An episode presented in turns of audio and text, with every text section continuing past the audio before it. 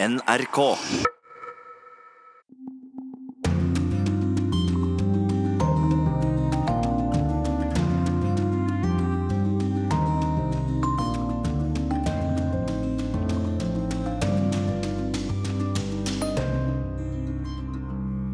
Unge i Tyskland vil at Angela Merkel holder fram som regjeringssjef. De blir kalla generasjon Merkel.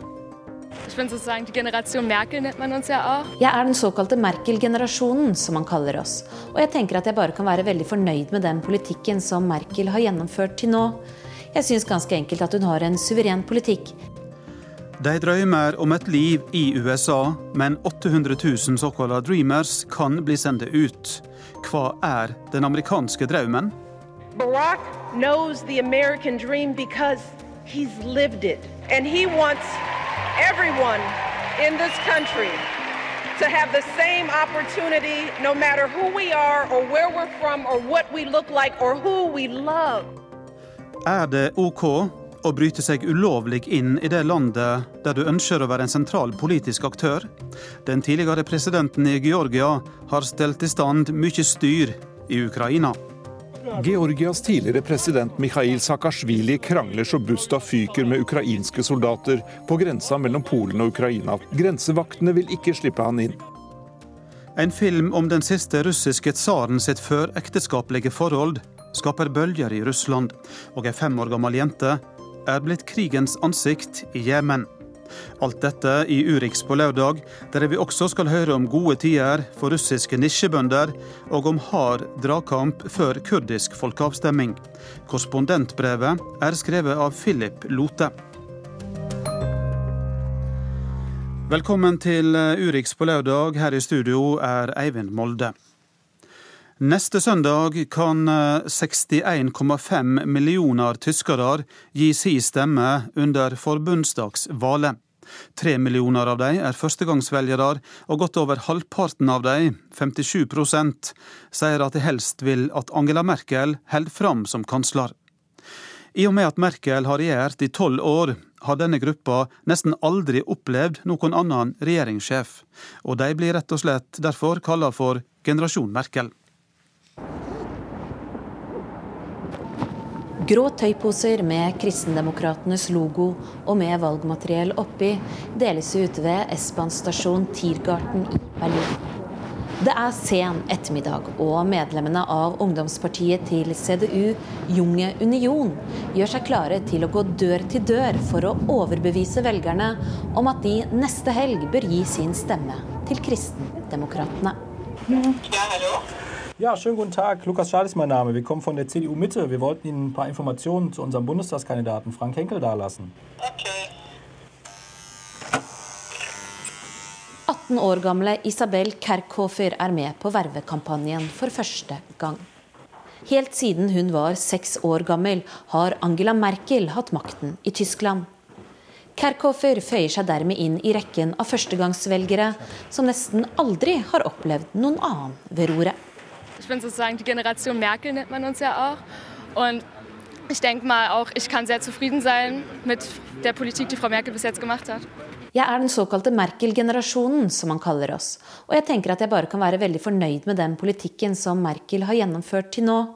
Jeg syns ganske enkelt at hun har en suveren politikk, en sikker politikk. Hun vet hva hun gjør, og hun har masse internasjonal erfaring, sier Kerkhofer til NRK. Derfor vil hun også gi sin første stemme noensinne til nettopp CDU og Merkel. Og hun er ikke alene. Ved dette valget er det tre millioner førstegangsvelgere. Ifølge en undersøkelse fra Forsa-instituttet så ønsker 57% av velgerne i denne gruppa at Angela Merkel fortsetter som forbundskansler. Mens hovedmotstander Schulz fra Sosialdemokratene kun får støtte av 21 Ich denke einfach, weil Herr Schulz teilweise sehr aggressiv wirkt, teilweise sehr, ja, seine Äußerungen nicht gerade sehr gut wählt und Frau Merkel einfach sehr viel Erfahrung hat. Ja. Det tror jeg er fordi Schulz av og til virker aggressiv, at han ikke har tenkt gjennom uttalelsene sine. Mens Merkel derimot har ganske mye erfaring, sier Kerkhofer. Ja, so erfolgreich war es jetzt nicht, die Aktion man gemacht hat. Es wurde die Tür einmal nicht geöffnet. De aller ivrigste valgkampmedarbeiderne går fra dør til dør flere ganger i uka. Og det er ikke uten grunn. Responsen på besøkende blir nemlig systematisk rapportert i en egen CDU-app. Og de ti flinkeste i landet vil få en personlig telefon fra forbundskansler Angela Merkel. Ungdomspartimedlem Lukas Schaal er en som ønsker seg det, og flittig samler poeng. Und dafür gibt es dann auch wieder 100 Punkte. Ich sammle fleißig Punkte, aber ich bin noch äh, sehr weit davon entfernt. Ich glaube, ich, bin in, ich, glaub, ich bin in Berlin auf Platz 10 oder so, aber sie ruft ja nur auf von, ganz, von dem ganzen Bundesgebiet an. Både han og Kerkhofer mener at det å være ung og konservativ ikke er noen motsetning. Es ist, äh, konservativ zu sein, jung zu sein, ja, muss ich ja nicht ausschließen. Ähm, det som var riktig for 10 og 20 år siden, kan også være riktig nå.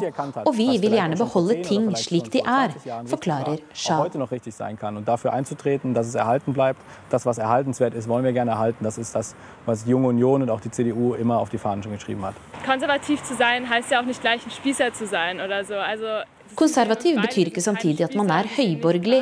Du ser jo oss begge, og vi ser jo ikke ut som typiske CDU-ere, sier Kerkhoff, kledd i sort T-skjorte og olabukse. Tema nummer eins ähm, ist äh, Vollbeschäftigung. Tema nummer én i denne valgkampen er full sysselsetting og økonomisk stabilitet, som vi allerede har. Det er en veldig god situasjon i landet vårt, og Merkel er en garantist for utenrikspolitisk sikkerhet. Hun er svært anerkjent i Europa og er en god forvalter av landet vårt. Og i usikre tider i utenrikspolitikken er det det som folk ønsker seg. At man har en sikkerhet, sier Sjal. Og med valgplakater med påskriften 'klok, nøktern og bestemt', slik at landet vårt fortsetter på sin suksessfulle ferd, ser det ut til at Merker kommer til å hale seieren i land for fjerde gang. På siste meningsmåling får Kristendemokratene 37 oppslutning, mens nummer to, Sosialdemokratene, er nede på 20 Men til tross for at seieren ser ut til å være innen rekkevidde, vil likevel ikke ungdomspartiet bremse opp nå. Das ist noch nicht klar. Die Wahl, bis zu, die Wahl ist am 24. September um 18 Uhr zu Ende und bis dahin müssen wir um jede Stimme kämpfen. Deswegen klingeln wir an jeder Tür und es lohnt sich. Wir müssen die Leute mobilisieren, damit sie auch wirklich wählen gehen. Valget er ikke avgjort før 24.9 klokka 18, og fram til da må vi kjempe om hver stemme. Vi må mobilisere og sørge for at folk virkelig går og stemmer, sier Sjal. Og med ønske om en fortsatt stø kurs og under læresetningen 'man vet hva man har, men ikke hva man får', går de fleste tyskerne nå inn i den siste valgkampuka her i Berlin. Det sa korrespondent Guri Nordstrøm. Utenrikssjef i eh, NRK Knut Magnus Berge, hvorfor ser Merkel ut til å hale sigeren i land for fjerde gang?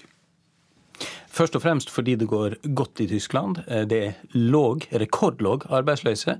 Eh, økonomien går bra. Og så er jo det snakk om her de unge, ikke sant. Og husk, mange av de er altså ikke vant med annet enn Merkel. Hun har sittet sammenhengende i eh, tolv eh, år. Så hun er en kjent størrelse for også førstegangsvelgere. Eh, så tror jeg at Merkel òg framstår som eh, noe solid og trygt i et kanskje urolig eh, Europa, og også et eh, urolig verdensbilde. Spenninga vil da først og fremst knytte seg til det som skjer etter valget? Ja, eh, det er ganske spennende hva som skjer etter valget i Tyskland. For i dag sitter Merkels eh, konservative kristeligdemokrater i eh, koalisjon med sin historiske hovedmotstander, nemlig sosialdemokratene. Og ingen av de to koalisjonspartnerne ønsker egentlig en slik konstellasjon. Kristeligdemokratene ønsker å regjere med partier som ligger nærere dem ideologisk. Mens sosialdemokratene ønsker seg nok ut av denne storkoalisjonen, fordi at de ikke minst under dette valget har erfart at de får medansvar for det som ikke går bra, mens de ikke får kreditt for det som går bra. Den går til Merkel.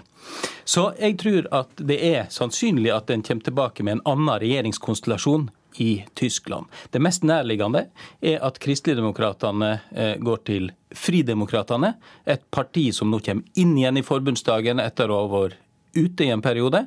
Eh, og dette er et urbant, eh, liberalt parti, kanskje å sammenligne med norske Venstre. Eh, slik at en får en slags sentrum-høyre-regjering i Tyskland. Så kan det være at denne konstellasjonen da ikke vil ha nok oppslutning, og at de må ha med enda en partner. Og der er det de grønne som peker seg ut. Og de grønne har tradisjonelt samarbeida mot venstresida i tysk politikk, men nå har de ikke utelukka også å samarbeide i retning eh, Merkel. Så en slik eh, konstellasjon, sentrum-høyre, eh, er det mest sannsynlige i Tyskland. Alternativet vil være en fremdeles eh, storkoalisjon, selv om ingen av partene ønsker det. Eh, hva med AFDs rolle? AFD er jo et, eh, et, nytt fenomen på riksplan i Tyskland, i den forstand at de ikke er inne i forbundsdagen i dag, og alt tyder på at de kommer inn, og at de kommer inn med ei ganske stor gruppe. De kan bli den tredje største fraksjonen i forbundsdagen. Og eh, det dramatiske i dette er jo at det for første gang, i alle fall eh, i det eh, nye, moderne Tyskland, kommer ei sterk kraft til høyre for kristeligdemokratene til Merkel. Dette er jo et parti som profilerer seg først og fremst nå på innvandringsmotstand.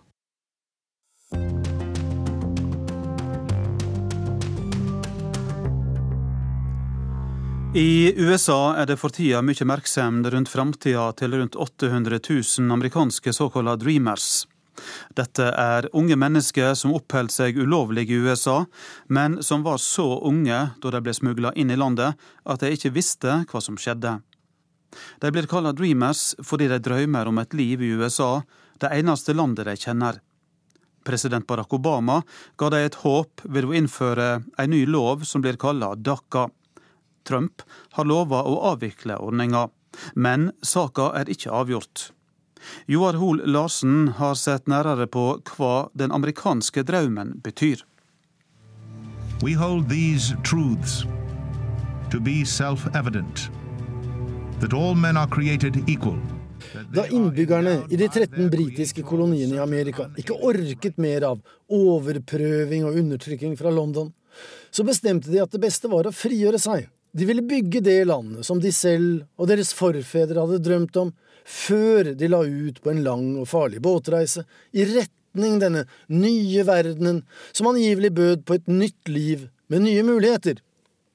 Uavhengighetserklæringen som ble skrevet i 1776, var en slags intensjonsavtale mellom de som undertegnet dokumentet The Founding Fathers. Det var en målsetting for et samfunn der det ikke skulle være forskjell på folk, alle skulle ha samme mulighet til å leve et liv i frihet, der det å søke en tilværelse fylt av glede og lykke ikke skulle være forbeholdt de få, men være en rettighet for alle borgere that among these are life, liberty and the pursuit of happiness. Dette var en radikal tanke den gang, en drøm, men i all hovedsak, det ble jo slik. USA er i dag befolket av etterkommere av fattige og undertrykte immigranter med skaperkraft og tiltakslyst, av eventyrere og lykkejegere med arbeidsmoral og innsatsvilje.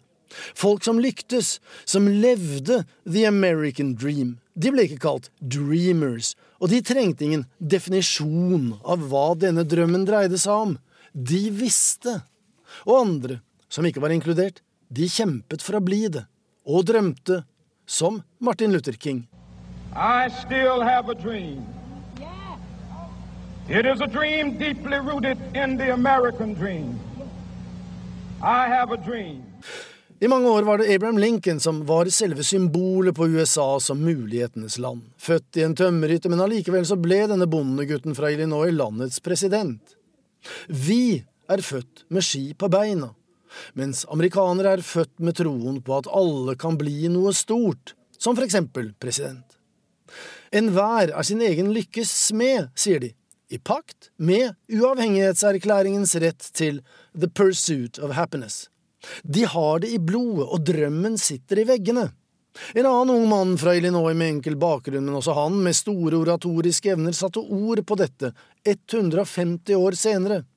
Lokalpolitikeren Barack Obama tok det demokratiske partiets nominasjonsmøte i 2004 med storm. I stand here knowing that my story is part of the larger American story. That I owe a debt to all of those who came before me, and that in no other country on earth is my story even possible.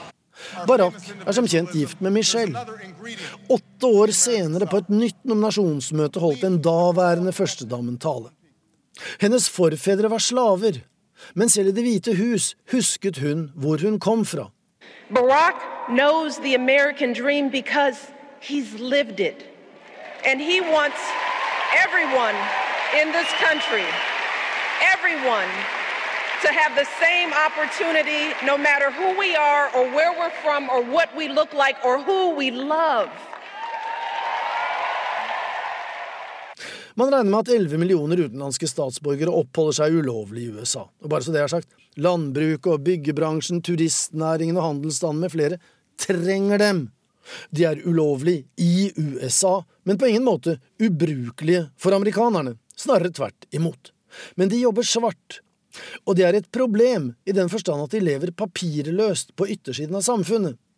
Uten rettigheter og beskyttelse er de sårbare og utsatte, og alle presidenter har måttet forholde seg til innvandrerspørsmålet. Men i skjæringspunktet mellom fremmedfrykt og terroristangst, mellom følelser og fordommer, har det vist seg vanskelig for de folkevalgte å bli enige om en human og juridisk løsning som alle parter kan leve med. Og dessuten The American dream is dead, but I'm gonna make it bigger and stronger and better than ever before. Right? Så er den amerikanske drømmen relevant i dag? Lever den? Eller må den vekkes til live av en allmektig president? Og gjøres det egentlig best ved å slukke det håpet Obama tente, der The Dreamers hadde en slags mulighet til å bli i landet? Og husk, mange av dem er like amerikanske som Apple Pie. De er cheerleaders og quarterbacks, de synger i kirkekoret mens andre har vervet seg og forsvart Uncle Sam. Noen har straight A's, som det heter, når de har bare seksere. De er patriots og good Americans, noen er engasjert i lokalpolitikken. De heier på the Yankees, og de elsker the land of the free and the home of the brave. Det er USAs fremtid det dreier seg om. De har aldri besøkt hjemlandet. Mange snakker ikke spansk. De sier awesome og er blitt gringoer gode som noen. Dette er ikke potensielle terrorister. De er i USA, ikke fordi de selv har gjort noe galt, det bare ble sånn. Og de har bare ett ønske – å få oppfylt sine drømmer, i pakt med uavhengighetserklæringen. Dette er mennesker av kjøtt og blod, og det blir personlig. Just listen that we're just here trying to achieve our own dreams. Men nå skal de ut. Skjønt, selv ensporede immigrantskeptikere og hardbarkede utkastere nøler. Selv Donald Trump har innrømmet at The Dreamers har en egen plass i hans hjerte. Allikevel har han hengt opp exit-skiltet og åpnet utgangsdøra. Men han har spilt ballen over til Kongressen, slik at de denne gang kan besvare det evige reality-spørsmålet om hvem som skal ut, who's fired, slik at de 800 000 dreamers fremdeles kan håpe, selv om de nok gjør lurt i å forberede en plan B.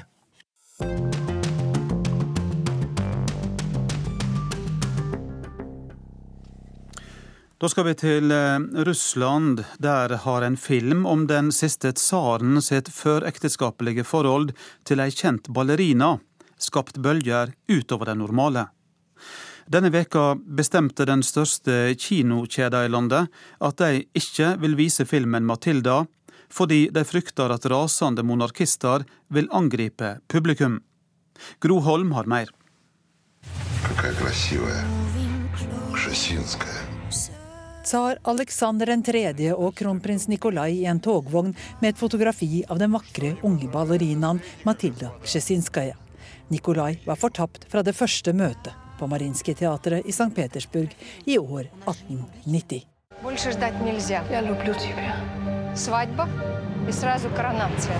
Bryllupet kan ikke vente lenger, mener kronprinsens mor ifølge filmen.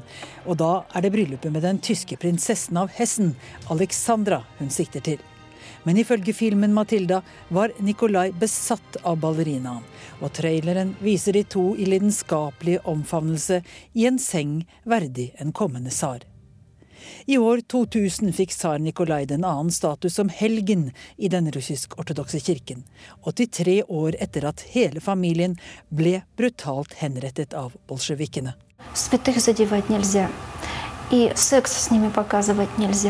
Det går ikke an å behandle hellige personer på den måten og vise dem i sexscener.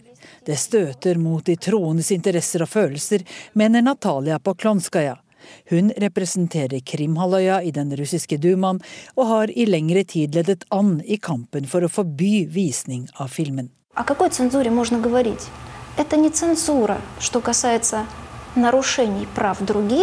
Dette er ikke sensur. Det er ikke mulig å snakke om sensur når det handler om å krenke andres rettigheter, mener Poklonskaja, og forteller at hun får 6000 nye underskrifter for å stanse filmen hver uke. Hun fikk også oppnevnt en ekspertkomité som konkluderte med at filmen forvrenger russisk historie og sverter den ortodokse kirken. Dessuten, sier komiteen, var polsk-russiske Matilda Ksjinskaja altfor stygg til at en tsarevitsj, en kronprins, ville la seg fange.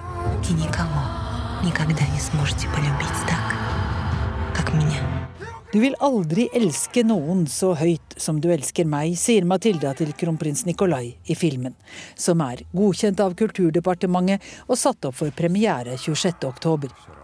Men motstandere av filmen har kastet molotov-cocktails inn i regissør Aleksej Utsjitils filmstudio.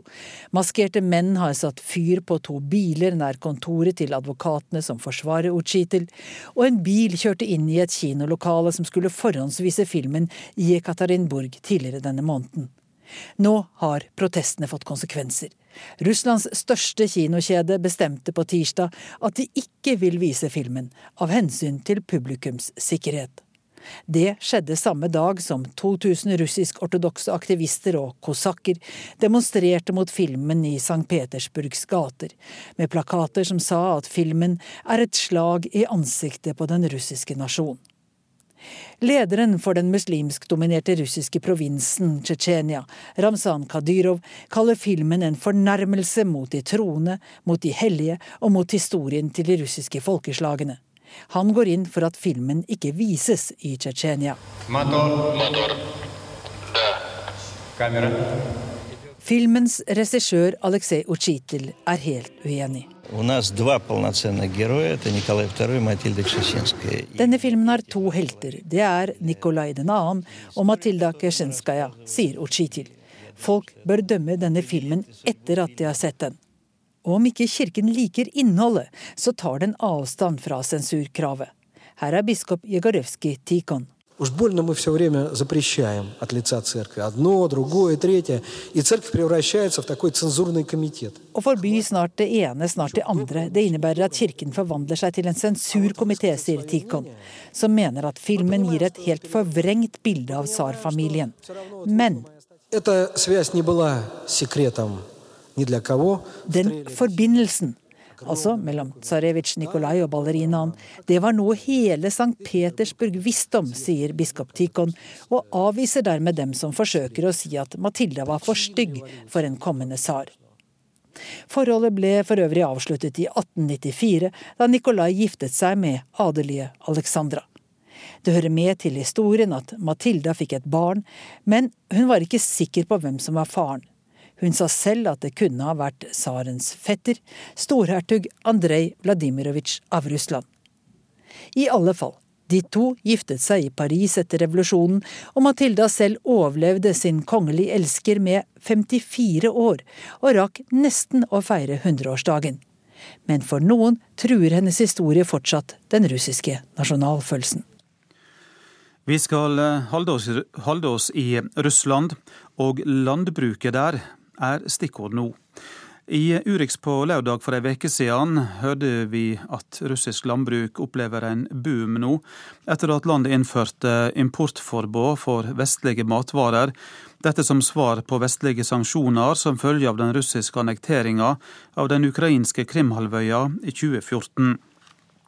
Da besøkte korrespondent Morten Jentoft nye store produksjonseininger sør i Russland med tusenvis av kyr. Men også småprodusenter med nisjeproduksjon og økologisk drift opplever bedre tider.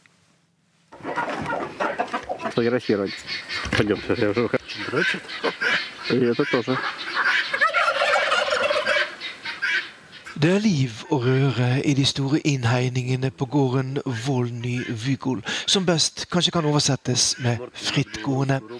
Dimitri Klimov viser oss ender, kalkuner og gjess og forskjellige typer hønsefugler, tilsynelatende med stor sakkunnskap. Men det er ikke mer enn to år siden han og kameraten Andrej Kurpic satte i gang her i den lille landsbyen Selentsino i Vladimir-fylket, vel 100 km øst for den russiske hovedstaden Moskva. Я по профессии журналист-международник. Я окончил МГУ имени Ломоносова. Egentlig er jeg journalist utdannet innenfor internasjonal politikk, forteller Dmitrij Klimov, som har bakgrunn bl.a. fra Radio Moskva, som sendte på alle verdens språk, også norsk. Senere har han jobbet som konsulent og kriseløser for forskjellige bedrifter, noe han delvis fortsetter med for å tjene penger. Потому что у меня не было мозгов. Egentlig så var det en hodeløs beslutning å sette i gang her, sier Dmitrij Klimov, som for sju år siden satt med en del penger som han ønsket å investere.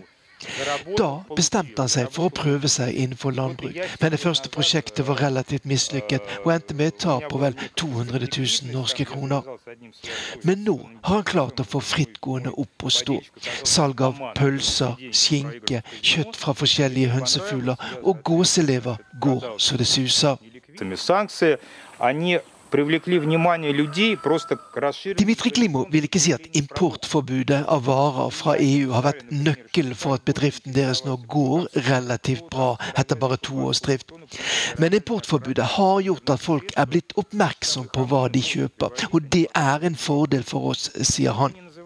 Bedriften vår med spesialproduksjon som gåselever er ganske unik i Russland, sier Dmitrij Klimov. Bon, tu vas, tu vas faire quoi là Là, tu vas faire quoi Je vais faire du saucisson sec français. Uh -huh.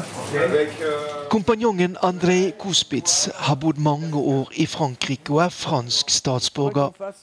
På den lille pølsefabrikken på gården i Selensino har han denne lørdagen NRK er på besøk, fått hjelp av Sebastian Batson, økonom og ansatt i en bank i Moskva, men lidenskapelig pølsemaker på si. Peter the Great, who uh, liked it in Holland and, uh, and, and brought 20, uh, 20 sausage makers from Germany.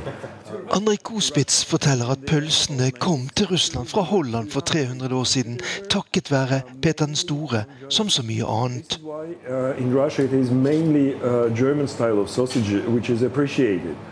For 100 år siden var det 300 pølsemakere i St. Petersburg, men fram til nå er det den tyske og hollandske måten å lage pølser på som har dominert.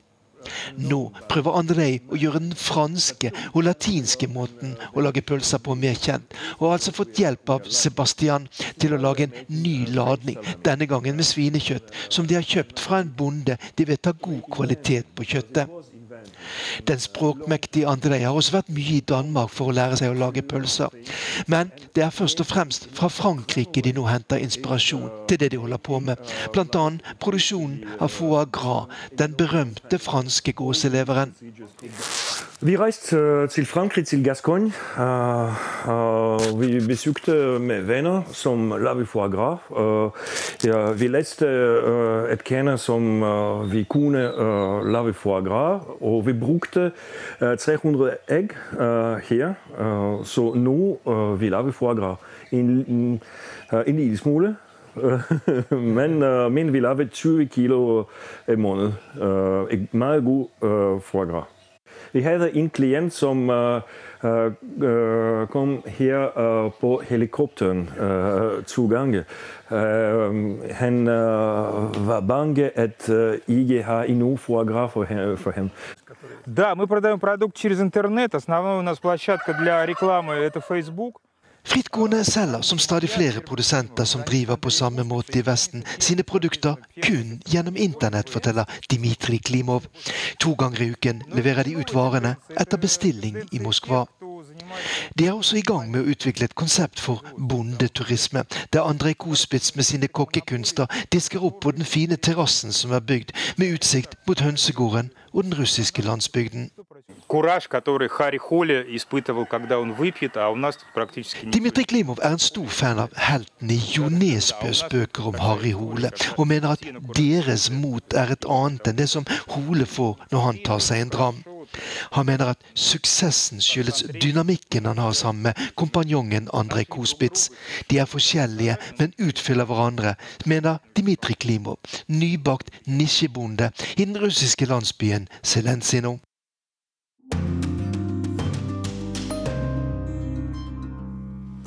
Klokka har passert 11.33, og i løpet av den neste knappe halvtimen skal vi høre korrespondentbrevet fra Philip Lote. Vi skal høre om dragkampen før folkeavstemminga om kurdisk sjølstende, og om hun som er blitt krigens ansikt i Jemen. Bildet av barnet som forsøker å åpne øyet med to fingre, går nå verden rundt. Mange gjør den samme bevegelsen. Gesten er et tegn på sympati for jenta som overlevde mot alle odds. Er det greit å bryte seg ulovlig inn i det landet der du ønsker å være en sentral politisk aktør? Det er det store spørsmålet i Ukraina akkurat nå. For den tidligere presidenten i Georgia, Mikhail Sjakasjvili, har stelt i stand mye styr i dette landet. Fra å være en støttespiller for president Petro Porosjenko har Sjakasjvili blitt en av de største fiendene hans. Не спекулируйте войной. Не, не, не спекулируйте, не спекулируйте войной. Не спекулируйте кровью наших солдат. Там det богато грузин Georgias tidligere president Mikhail Saakashvili krangler så busta fyker med ukrainske soldater på grensa mellom Polen og Ukraina for en knapp uke siden. Grensevaktene vil ikke slippe han inn, for Saakashvilis ukrainske statsborgerskap ble annullert av president Petro Porosjenko i sommer, mens den politiske urokråka var i utlandet. Saakashvili har noe han vil si til soldatene. Эти ваши жирные генералы зарабатывают на контрабанде. Они зарабатывают на том, что De feite generalene deres tjener penger på smuglervarer. De stjeler penger fra sitt eget folk, sier Saakashvili. Inne fra ukrainsk territorium kommer en stor gruppe mennesker mot grensevaktene og Saakashvilis lille delegasjon.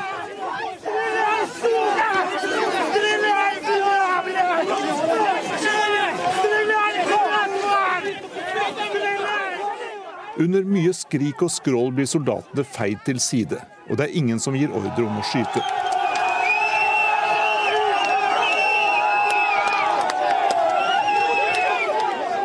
Saakashvilis tilhengere omringer sin helt og følger han innover i Ukraina mens de synger nasjonalsangen.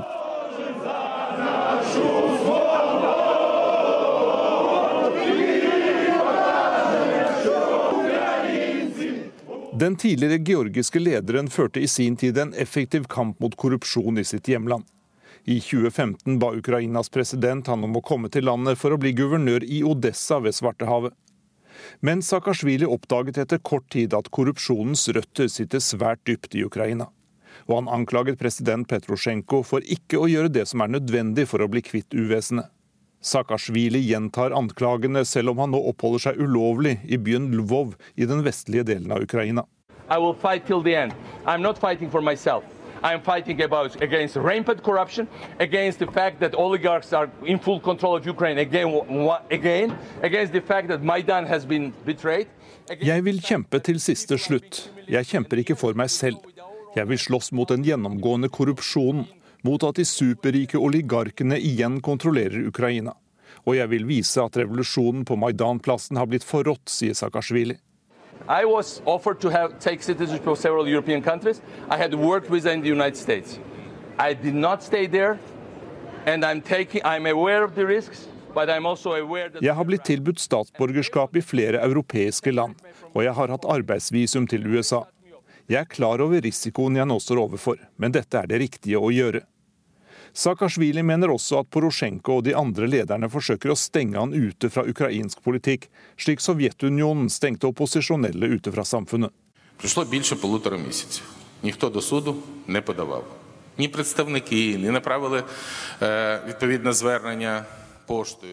Mer enn halvannen måned har gått siden Saakashvili ble fratatt sitt statsborgerskap, men ingen har gått til rettssak, sier president Porosjenko. Han påpeker at Saakashvili har begått en kriminell handling ved å krysse grensa ulovlig, og at sikkerhetsmyndighetene nå tar seg av denne saken.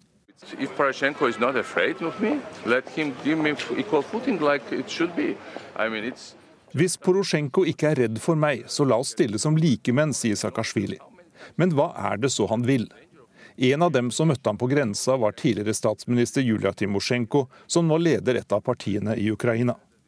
Ukrainske kommentatorer lurer på om de to planlegger å presse fram et nyvalg i håp om å bli kvitt president Porosjenko. Men Saakashvili risikerer nå å bli arrestert pga. ulovlig grensepassering. Han risikerer å bli stilt for retten og bli deportert til Georgia. Der anklager de nåværende myndighetene den tidligere presidenten bl.a. for maktmisbruk. Ingen kan i hvert fall påstå at Saakashvili er konfliktsky. Sa reporter Jan Espen Kruse.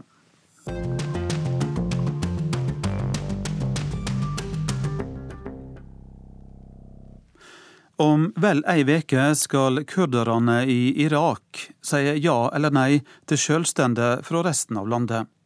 Det står president Masud Barzani fast på. Men motkreftene er sterke. Flere land ber president Barzani om å avlyse eller utsette folkeavstemminga.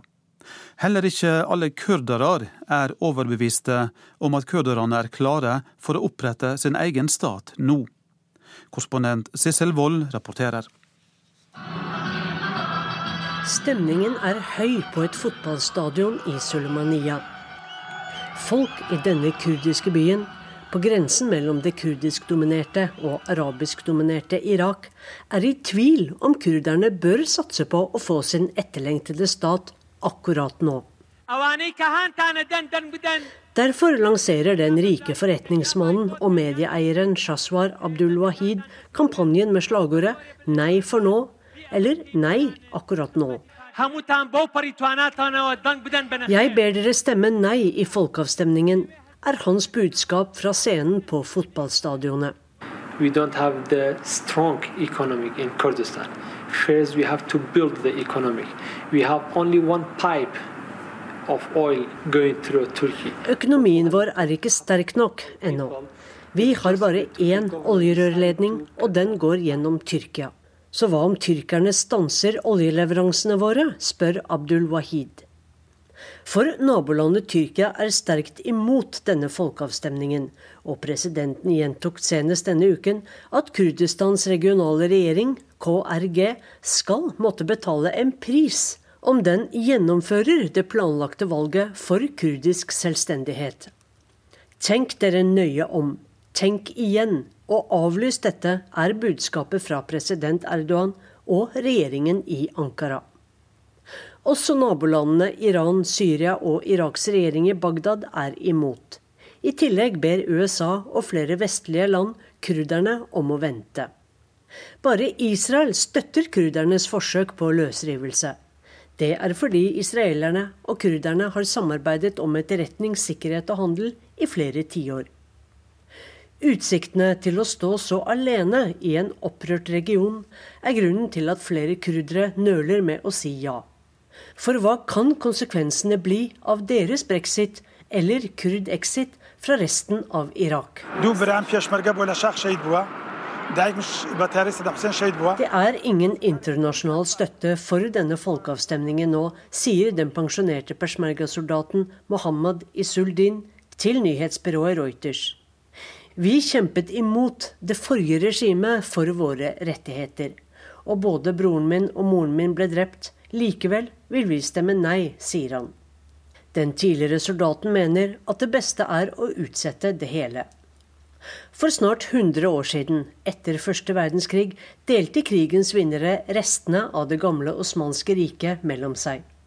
Grensene i Midtøsten ble tegnet på nytt av Sykes-Picot, en brite og en franskmann. Irak med sine største tre grupper, kurdere, shia-arabere og sunni-arabere, ble til én stat. Mens jødene etter hvert fikk sin egen stat, ble kurderne glemt eller oversett. Nå er rundt 30 millioner kurdere spredt i fire land. I Tyrkia, Iran, Syria og Irak.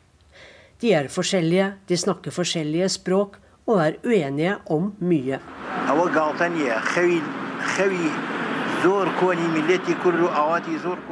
Selvstendighet er en drøm for oss. Men før vi stemmer for en egen stat, må vi samle oss, sier Mohammed Taufik fra Sulemanaya til Reuters. Regjeringen i Bagdad har slått fast at den varslede folkeavstemningen er grunnlovsstridig. Og denne uken ba Iraks nasjonalforsamling statsminister Haider al-Albadi om å gjøre alt han kan for å hindre at den finner sted. Men i kurdernes hovedstad Erbil i Nord-Irak står presidenten for Kurdistans regionale regjering, Masud Barzani, på sitt. Folkeavstemningen for et eget Kurdistan skal gjennomføres den 25.9, koste hva det vil.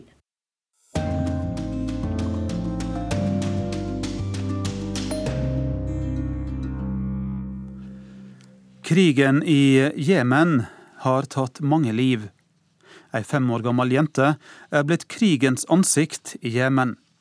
Botaina er den eneste overlevende i en familie på åtte etter at saudiarabiske krigsfly bomba heimen hennes. FNs høykommissær for menneskeretter krever ei uavhengig gransking etter mange lignende episoder som kan være direkte krigsbrottsverk. FN mener å ha bevis for minst 5000 sivile drepne i lignende angrep mot skoler, sykehus og bostader. Reporter er Dag Bredvei. Leger i hvite frakker haster forbi. I mengden i sykehuskorridoren er det en liten skapning som skiller seg ut.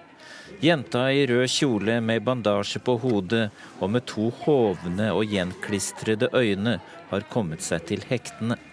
Fem år gamle Bothaina blir kalt for mirakeljente. Vi skrur klokka tilbake til 25. august. Dette er lyden av hjelpearbeidere som febrilsk forsøker å finne noen i live i ruinene etter at en bolig ble bombet sønder og sammen. Her bodde 14 familiemedlemmer. Overraskelsen var stor da redningsarbeiderne fant femåringen. Onkelen forteller.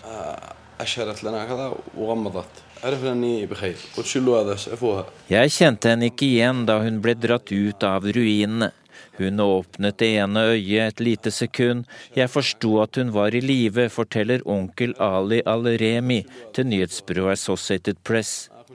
Et stillbilde tatt av en lokalavis viser et lite og forslått barneansikt. Bildet er tatt akkurat idet jenta ved bruk av to fingre forsøker å åpne det høyre øyet for å få et lite glimt av den som snakker til henne. Jenta holder rundt en dokke der hun sitter på sengekanten og blir undersøkt av en lege på dette sykehuset i Sanaa i Jemen. Doktoren forteller.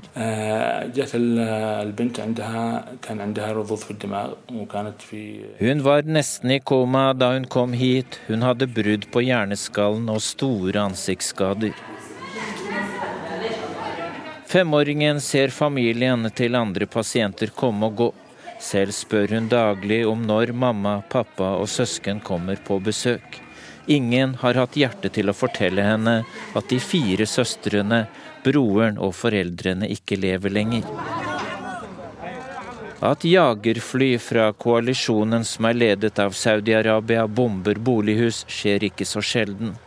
Denne uka gikk FNs høykommissær for menneskerettigheter ut med skarp kritikk av Saudi-Arabia og landene som støtter koalisjonen. I urge establishment of an international and independent investigative body to carry out comprehensive investigations of violations and abuses of international human rights law.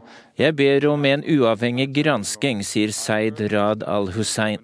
FNs høykommissær for menneskerettigheter er ikke i tvil om at det er luftangrepene som er skyld i at så mange sivile mister livet i Jemen. Coalition uh, airstrikes continue to be the leading cause of civilian casualties, including of children. Ifølge FN er det bevis for at 5144 sivilpersoner er drept, de fleste av bomber fra saudiarabiske krigsfly mot skoler, sykehus og boliger.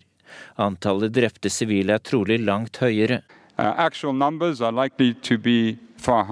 Saudi-Arabia og den internasjonalt anerkjente regjeringen i Jemen ønsker ingen uavhengig gransking.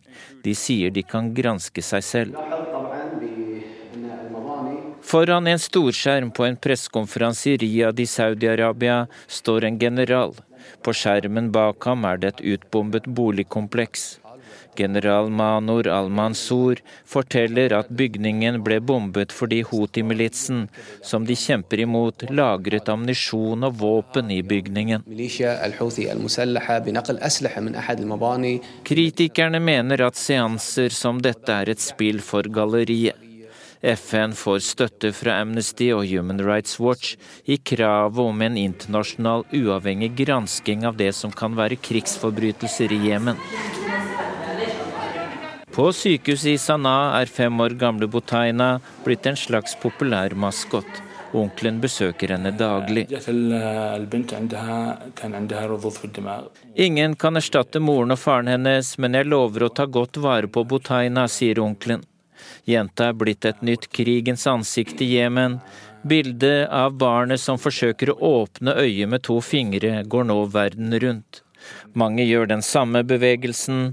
Gesten er et tegn på sympati for jenta som overlevde mot alle odds.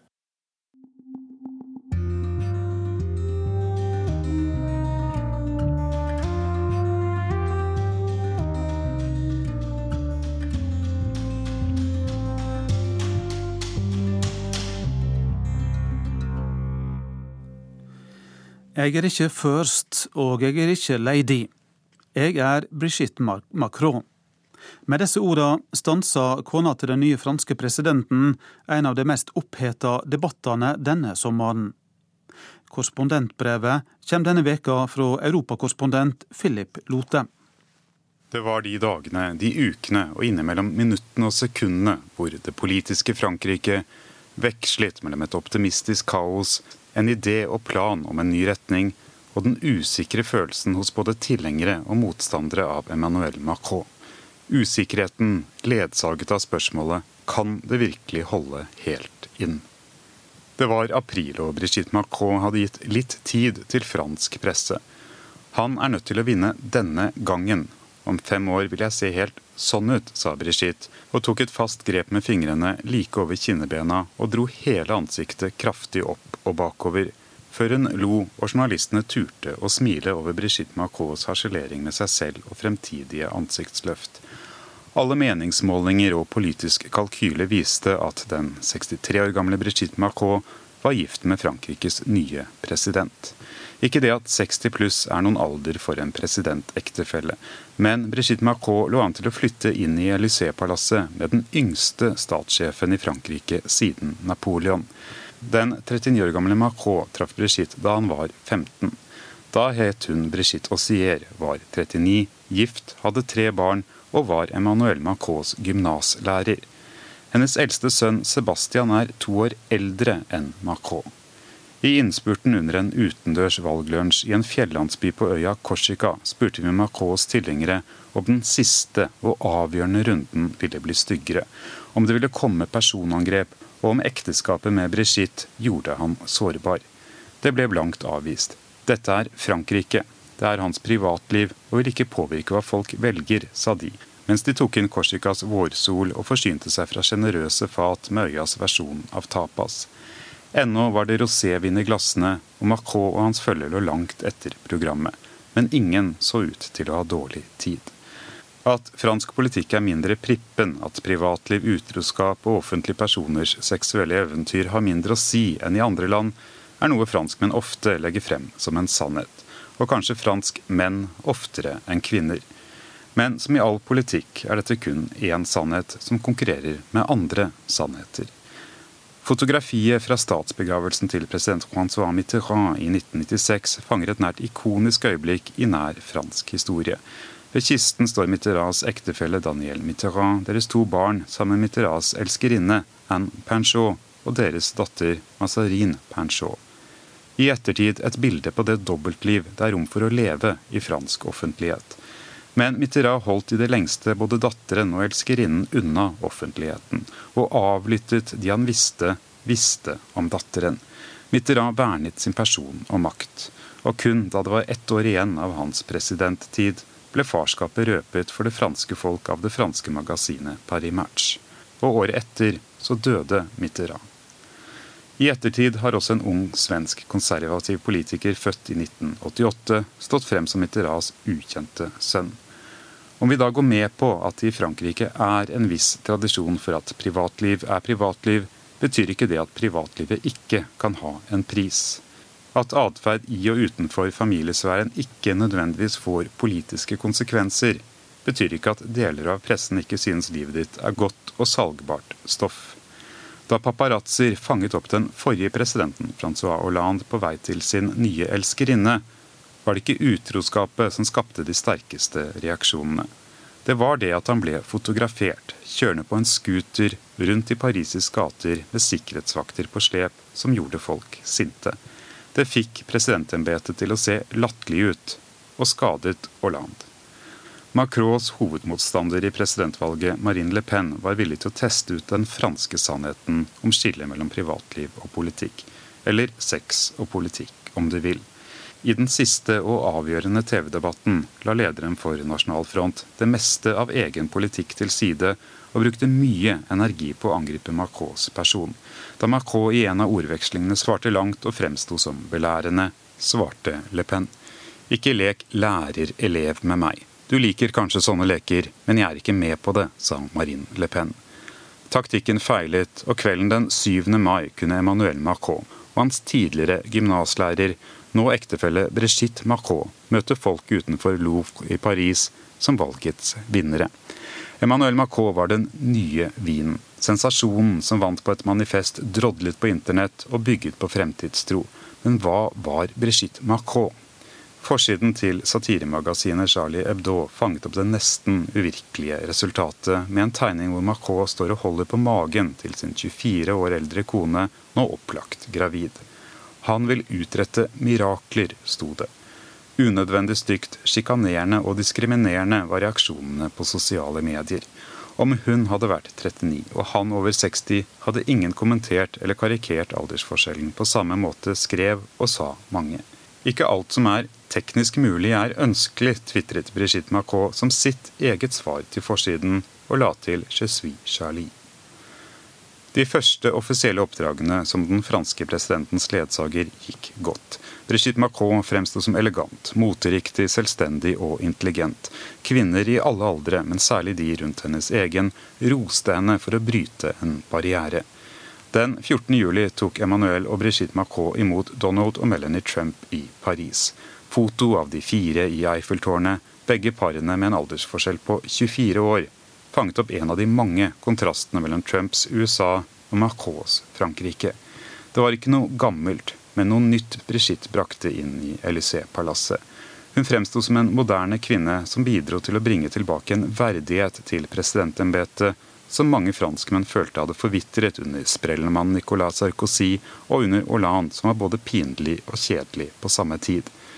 Det er liten tvil om at ekteparet Macron var svært bevisst og klar over behovet om både å fornye og gjenreise presidentembetet. Allerede før valgseieren var tanken lansert om at Brigitte Macron kunne få en offisiell førstedamerolle. Ideen viste seg raskt å være en taktisk bom. Folket hadde valgt han, ikke henne. Den ene av Macrons motstandere under presidentvalget, den konservative Francois Fillon, gikk fra å være favoritt til å tape for Smedley fordi det ble avslørt at han som parlamentariker hadde gitt sin kone og sine barn stillinger betalt av det offentlige. Det ble startet en underskriftskampanje for å stanse førstedameforslaget. Emmanuel Macrons popularitet begynte å falle, og etter over 300 000 underskrifter og noen sommeruker med en tidvis ubehagelig debatt, backet Élysée-palasset ut. Det kom en ny twittermelding fra Brigitte Macron. Jeg er verken first eller lady, jeg er Brigitte Macron, skrev hun. Og Élysée-palasset la ut en kunngjøring om at det ikke ville bli opprettet noe eget kontor for en førstedame. Brigitte Macron vil ha et kontor, jobbe særlig med likestilling, barn, utdanning og funksjonshemmede, og skal støttes av to rådgivere og et sekretariat, men ingen tittel og ingen lønn. Dette vil betales over presidentkontorets ordinære budsjett, lød det. Det ble laget et eget og nytt charter på internett om presidentektefellens oppgaver og finansiering. For å ikke så noen tvil om at med Macron som president kommer også mer åpenhet. Det var utvilsomt noen tøffe dager midt i den franske fellesferien i august. Og omtrent samtidig ga Brigitte sitt første lengre intervju til den franske utgaven av magasinet L. Hun svarte på hvordan hun reagerte på de mange nedsettende og kjønnsdiskriminerende uttalelsene. Jeg tok det tungt. Så sa jeg til meg selv du går gjennom en tøff tid, men ti stille om det. Det vil gå over. Brigitte Macron innrømmet også at kjærlighetsforholdet til Emmanuel Macron hadde smertet privat. Barna lider ofte. Jeg vet jeg har påført dem en del smerte, og det er det jeg bebreider meg selv for mest av alt. Men jeg kunne ikke noe for det jeg gjorde. Det er øyeblikk i livet du må foreta vitale valg. Det som er sagt om aldersforskjellen på over 20 år, er ofte så smålig. Selvsagt er det stunder som når vi sitter og spiser frokost, hvor jeg tenker her sitter jeg med mine rynker, og han med sin freshhet. Men det er bare sånn det er. Så Philip Lote. Vi er eh, straks ved veis ende i denne utgåva av Urix på lørdag. Teknisk ansvarlig for sendinga var Stein Nybakk. Produsent var eh, Tom Ingebrigtsen, og her i studio satt Eivind Molde.